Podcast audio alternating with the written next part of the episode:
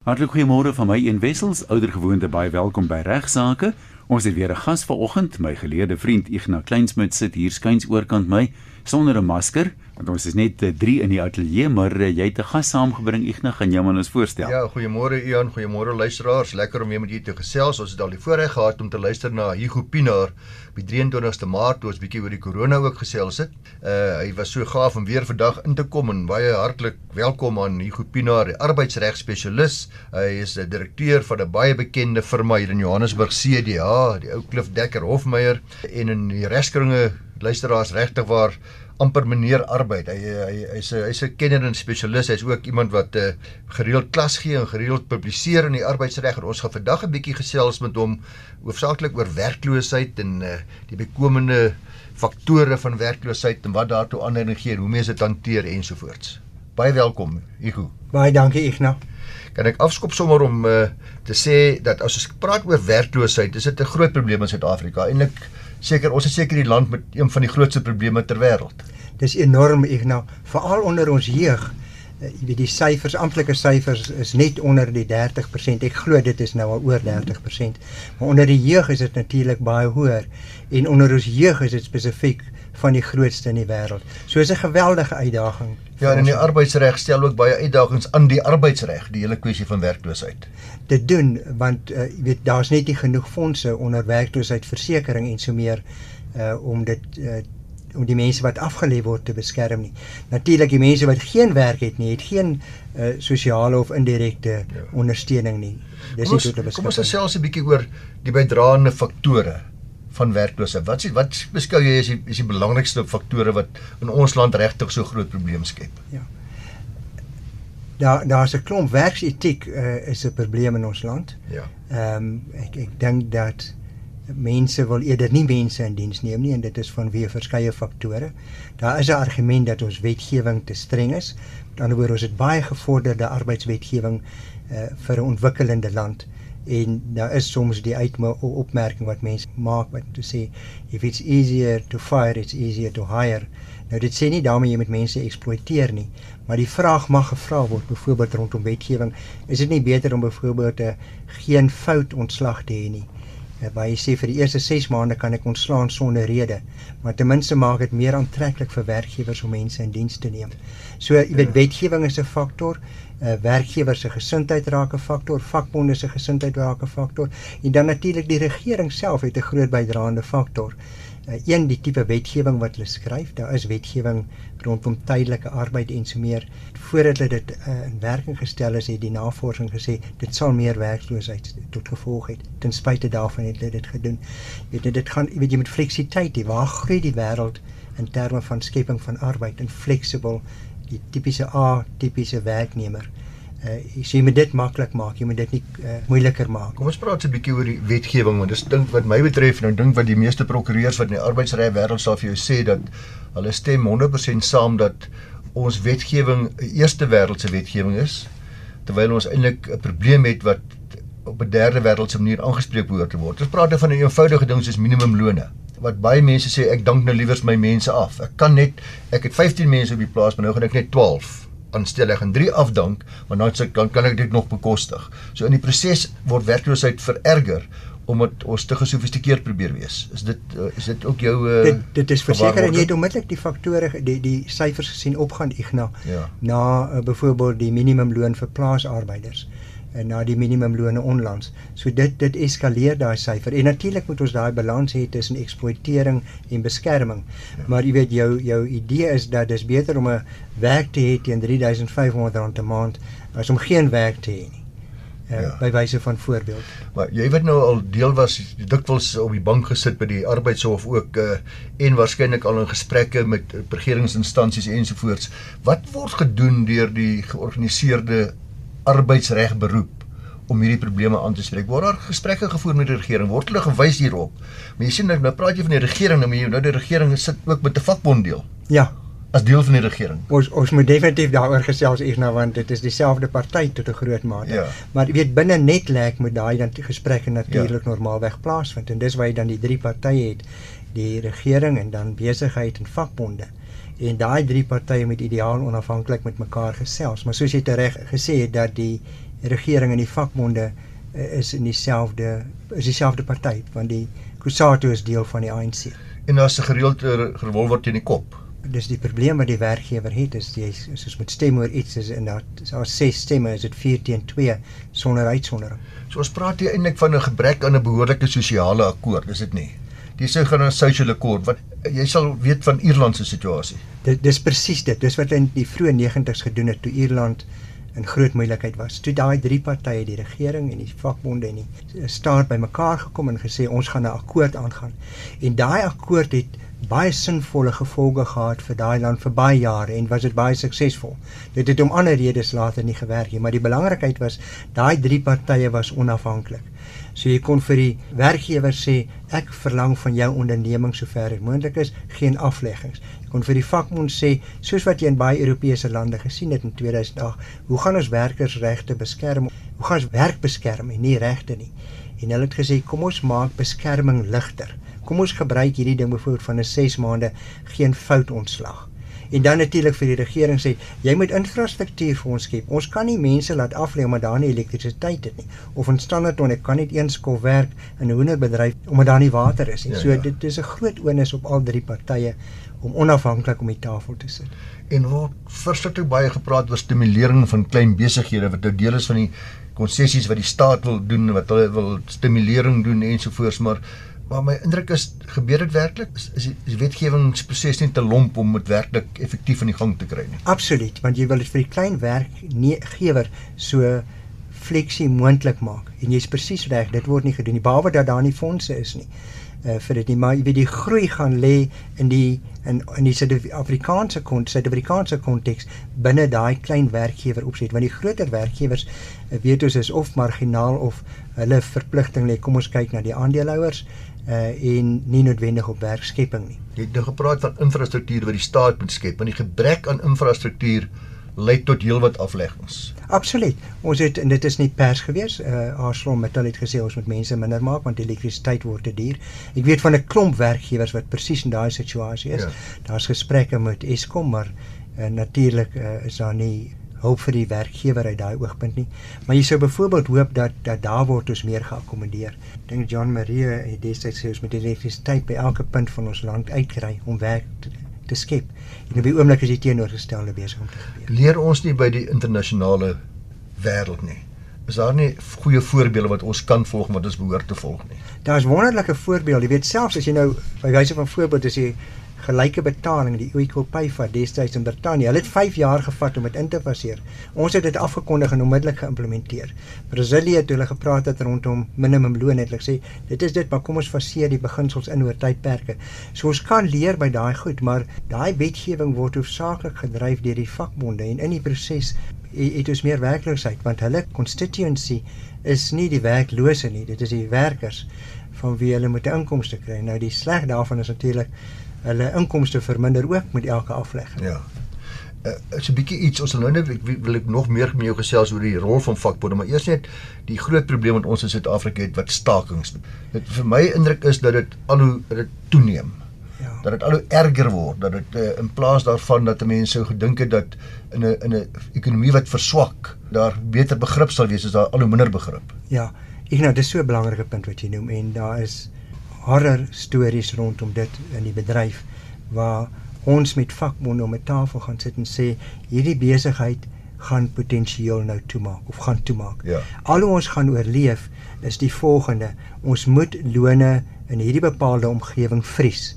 Ja. En daarmee gaan ons dan regkom. En dan die die vakbonde gee geen samewerking wat betref nie. Ek verstaan dit 'n constituency wat hulle moet verdedig, maar jy sou verwag dat in hierdie omgewing waar dit 'n absolute krities is vir ons land dat ons daardie aspekte meer konstruktief aanspreek. Ongelukkig het ons dit nie binne die vakbondbedryf. Ons sit met gevalle waar ons sê ons moet werk kombineer waar een ou wat een masjien werk nou twee masjiene moet opereer wat dit baie maklik is. Ons het statistieke en ondersoeke om te bewys dit kan maklik gedoen word. Hmm. En al wat jy het, jy het 'n potensiële staking oor eensaidige wysiging van diensvoorwaardes. Die regspraak het ons bietjie daar gehelp Maar ehm um, vertel ons 'n bietjie van die regspraak. Ja, dit was onder andere in in in regspraak waar dit te sprake gekom het, kan jy 'n werknemer afhangende hoe lyk hoe lyk jou dienskontrak verplig om addisionele werk te doen mis dit 'n redelike instruksie is. En die hof het gesê dis dis redelik.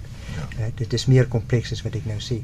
Maar die regspraak is meer uh, tegemoetkomend wat dit betref ja.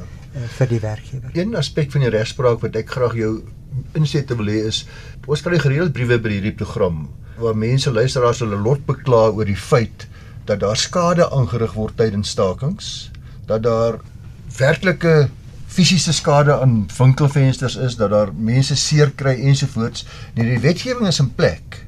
Dat die beste vir my weet dat selfs die organiseerders kan aanspreeklik gehou word Correct. vir hulle beheer wat hulle of gebrek aan ja. beheer wat hulle uitoefen. Vertel ons 'n bietjie hoe wat sê daai wetgewing presies, ja. maar meer belangrik, vind 'n toepassing in praktyk. Jy by jou praktyk het ja. jy was jy al betrokke waar daar aksie ingestel is teen vakbonde omdat ja. hulle nalatig was. O, ons het al aksies teen vakbonde ingestel. Daar's artikel 68 van die Wet op Arbeidsverhouding wat spesifiek voorsiening maak vir kompensasie. Ja. Nou met nie skadevergoeding nie. Interessant ja. dat waarmee ek en jy groot geword het. Ja. Praat van kompensasie en dan sê dit die hof kan kompensasie toeken, maar dit hang af van faktore soos die vakbond se finansiële posisie, die werknemer, die werkgewer se finansiële posisie. Het hulle interdikte geïgnoreer en so meer. So daar is daai prosesse en daar is al heelwat sulke uitsprake teen vakbonde gegee. Maar as ek net kan terugkom tot jou vraag. Uh, ek dink die belangrikste ding is wat gebeur tydens stakings. Ja. En die regspraak is vol daarvan uh wat die regter sê. Vakbonde in Suid-Afrika dink geweld is deel van die stakingsreg. En hulle dink hulle kan dit doen sonder enige aanspreeklikheid. En dit is hoe hulle optree tydens daag. Hulle storm in fabrieke in. Dit is op video en so meer. Jy skakel die polisie. Die polisie sê ek kan jou nie help sonder 'n interdik nie wat absoluut nonsens is. Ja. Want natuurlik hieso is 'n uh, gemeenregtelike verbreeking van die wet. Hulle is krimineel en dan kry jy nie hulle samewerking. So dit is 'n absolute nagmerrie vir werkgewers. Ek gaan net na die onderbreking vir jou vra of daar al voorbeelde was wat een enkele individu wat optree namens 'n vakbond, 'n sekretaris of 'n organiseerder al aangespreek is of in die hof verskyn het as gevolg van sy of haar gebrek aan behoorlike beheer in terme van die wetgewing. Jan en uh, Hugo, ons het gesels bietjie oor die hele kwessie van stakings en veral die frustrasie van mense wat skade ly as gevolg van hierdie stakings en dan sê ek vir hulle oor die hierdie program al voorheen gesê ja, maar moenie bekommerd wees nie, julle kan eise instel teen die organiseerders van hierdie staking want die wet maak voorsiening soos jy genoem het vir kompensasie vir vergoeding uh vir skade wat gelei is omdat hulle nie behoorlike beheer uitgeoefen het nie of nie al die terme nie omdat dit nie beheer omdat hulle nie toestemming gehad het nie of wat ek nogal. Toe het ek vir jou gevra, weet jy van gevalle waar daar inderdaad al individue aangespreek is as gevolg van hulle gebrek aan behoorlike leiding?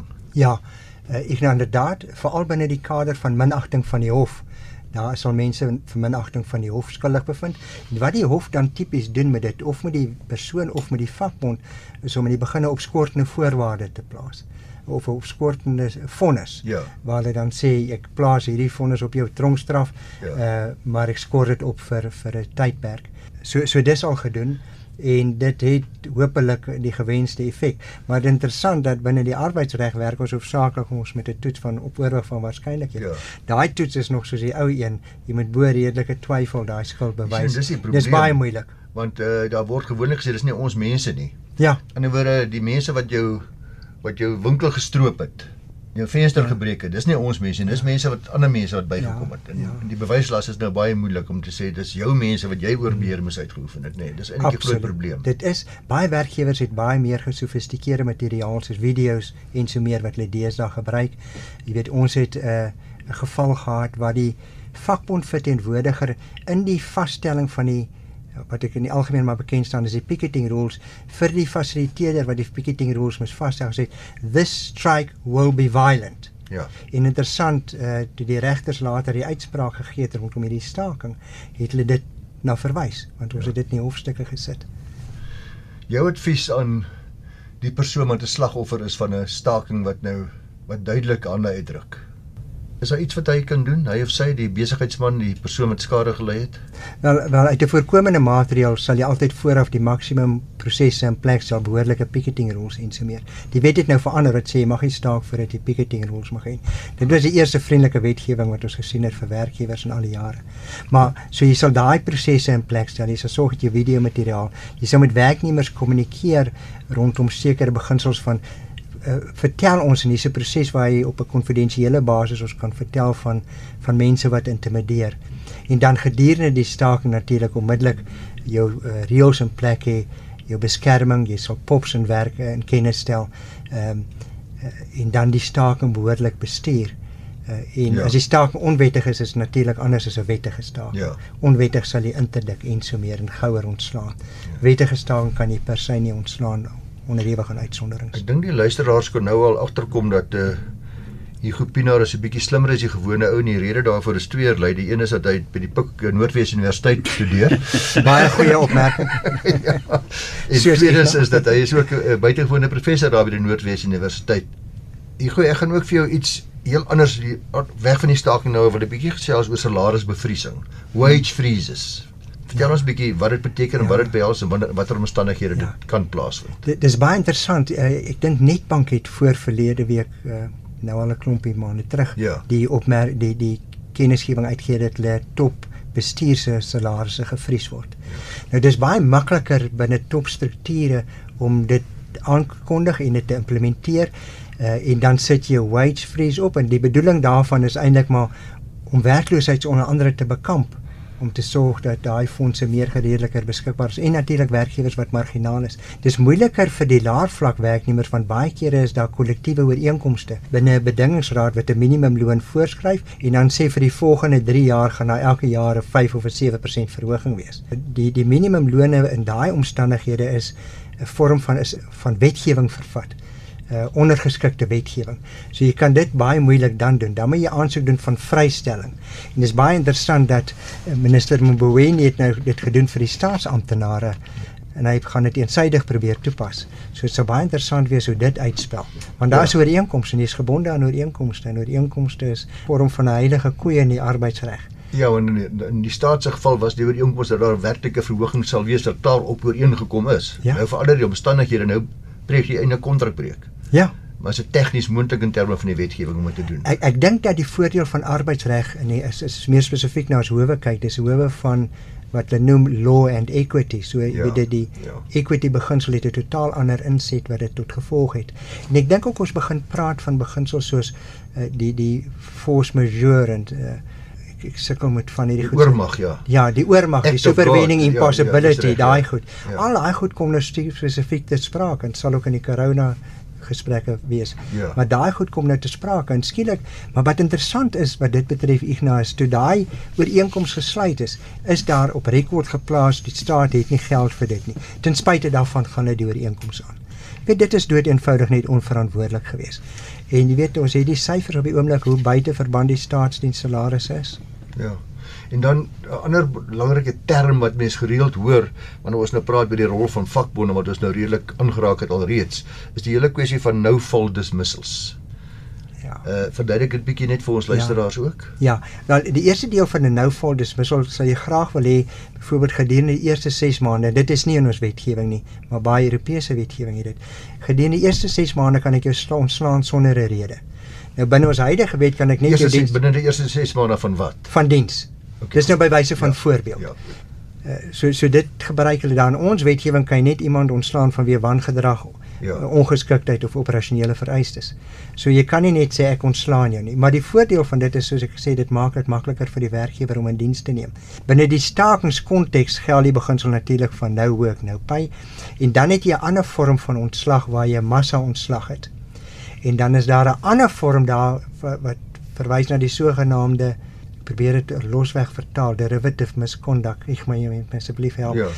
waar as jy weet van 'n medewerknemer wat skade veroorsaak en jy maak dit nie bekend nie dit gaan oor jou fiduciêre plig ja. dan kan jy deur nie dit bekend te maak nie dan hoor amper niks te doen nie. Uh, ook ook ook oortree en ook jou werk verloor as gevolg van dit. Die konstitusionele hof het net gesê met een of ander beskerming aan daai werknemer gee in in daai onlandse danlop uitspraak ons praat nou nog die hele tyd tot baie groot mate oor amper konsessies wat ons verwag vanaf ons vakbonde. Soos byvoorbeeld hulle moet bereid wees om 'n salaris te laat vries en maar nou is dit ook so dat jy kry dikwels dat groot deel van die ongelukkigheid is dat die bestuur nie deur voorbeeld leiding gee nie. Dat die bestuur se salarisse verhoog met 10% en die ou wat hier onder uh die klippekap in die myn sy salaris verhoog met 4%. En en ek dink met regte is dit 'n ongelukkigheid. Natuurlik ja, ek is absoluut ek ek, ek ja. verstaan dit nooit dat dat hulle dat hulle nie die onsensitiwiteit daarvan besef ja. nie. Jy, jy kan net nie met daai Ferrari by die werk opdag en mense aflet te gelyktydig nie. Maar wat sê die wetgewing daaroor? Is daar ja, wat sê die arbeidsreg daaroor liewers? Dit dis baie ek nou as ek net in Japan is daar sekere plekke waar jy nie kan 'n aflegging doen as direkteure dividende ontvang nie. So dis interessant nee. hoe konservatief en hoe korrek dit is. In ons land is daar niks spesifiek nie, maar die die wat heidaglik gebeur in die afleggingsproses, as die werkgewer sê dit gaan oor ekonomie, dan is daar 'n proses waar jy kan blootstelling, blootlegging kry van alle dokumente. So artikel 16 wat daarvoor voorsiening maak. En dan gaan die vakbonde sê maar nou wil ek kyk na die werkgewers, na die eksekutie, na die bestuur se kredietkaartuitgawes, na die oorsese reise. En dan sê hulle jy wil 'n miljoen rand bespaar. Kom ek wys vir jou hoe maklik dit is om 'n miljoen rand te bespaar. Ja. En dit is net so dat uh jy weet ons sit in 'n uitsonderlike land met 'n uitsonderlike geskiedenis waar daar groot gaping is tussen en groot mate van ongelykheid. En dan kom daai verpligting van bestuur en om te sê, jy weet, laat ons verantwoordelik wees. Kom ons kyk na hierdie bonusse want dis die ander probleem. Mense kry bonusse hoofsaaklik gekoppel aan aan hulle prestasie. Jy ja. sal onthou wat in ja. Checkers gebeur het. Ja. Maar dit pos kry hulle daai bonusse sonder dat daar die addisionele prestasie was. So die uiteinde van die ding is eintlik wil jy alle verhogings moet gebaseer wees op 'n ekstra vorm van 'n teenprestasie, quid pro quo. Jy moet produktiwiteitsonderhandelinge hê. Ek ja. dink daar lê 'n groot deel van ons antwoord uh, op laer vlak, maar ons praat nou op hoër vlak. So ja. op laer vlak wil ons sê as ons produktiwiteit kan opskuif, kan ons daai persentasie verhoging kry. As jy dit nie kan nie, dan bly jy dieselfde of jy salaris verminder selfs. Dis konsessiebaken. Dit moet plaasvind. Maar by bestuur is jy spot on. Daar moet 'n uh, 'n ander uh, En dit is nie dat dit nie by baie is nie, maar daar's ongelukkig ook 'n groot hoeveelheid wat dit nie is. Dit is nou baie lekker om te hoor dat jy dit sê want ek weet dat uh, jy is waarskynlik hoofsaaklik betrokke as verteenwoordiger van groot koöperatiewe maatskappye waar waarskynlik nie altyd saamgestem word met al met wat ons nou pas gesê het nie. Ja. In die huidige ekonomiese klimaat, so dit moet baie baie uh, groot maatskappye ja. waar bestuur hierdie uh, prosesse in werking stel onder andere vermindering van hulle salarisse, vermindering ja. van bonusse en hulle doen dit ten einde werknemers te betaal. Ek weet van bestuur waar daar geen inkomste was nie wat uit hulle eie sakke salarisse gesubsidieer het. So jy het die mooi stories ook, maar jy weet jy het altyd die teenkant uh ja. waar daar steeds so eksploitering is. Want die een aspek wat altyd vir werknemers pla is dat ek verdien 100 000 rand 'n maand. Ons besluit en jy verdien 10 000 rand 'n maand. En ons gaan elkeen 5% verhoging kry. Ja, dit is nie billik nie. Is net nie billik nie, maar dis wat dit gebeur redelik oor die algemeen nog ja, daagliks eintlik. Ja. Dit is interessant, daar's Dis iets wat 'n werknemer kan hof toe vat. Nee, die dit ongelukkig. Dit dit kan nie want dit is 'n sogenaamde dispuut van belang. Die enigste remedie wat jy het is om uh om te staak. As daar uh, ongelykheid is tussen salarisse tussen twee mense, is daar 'n proses wat jy dit uh binne die wet op gelykheid kan kan hof toe vat.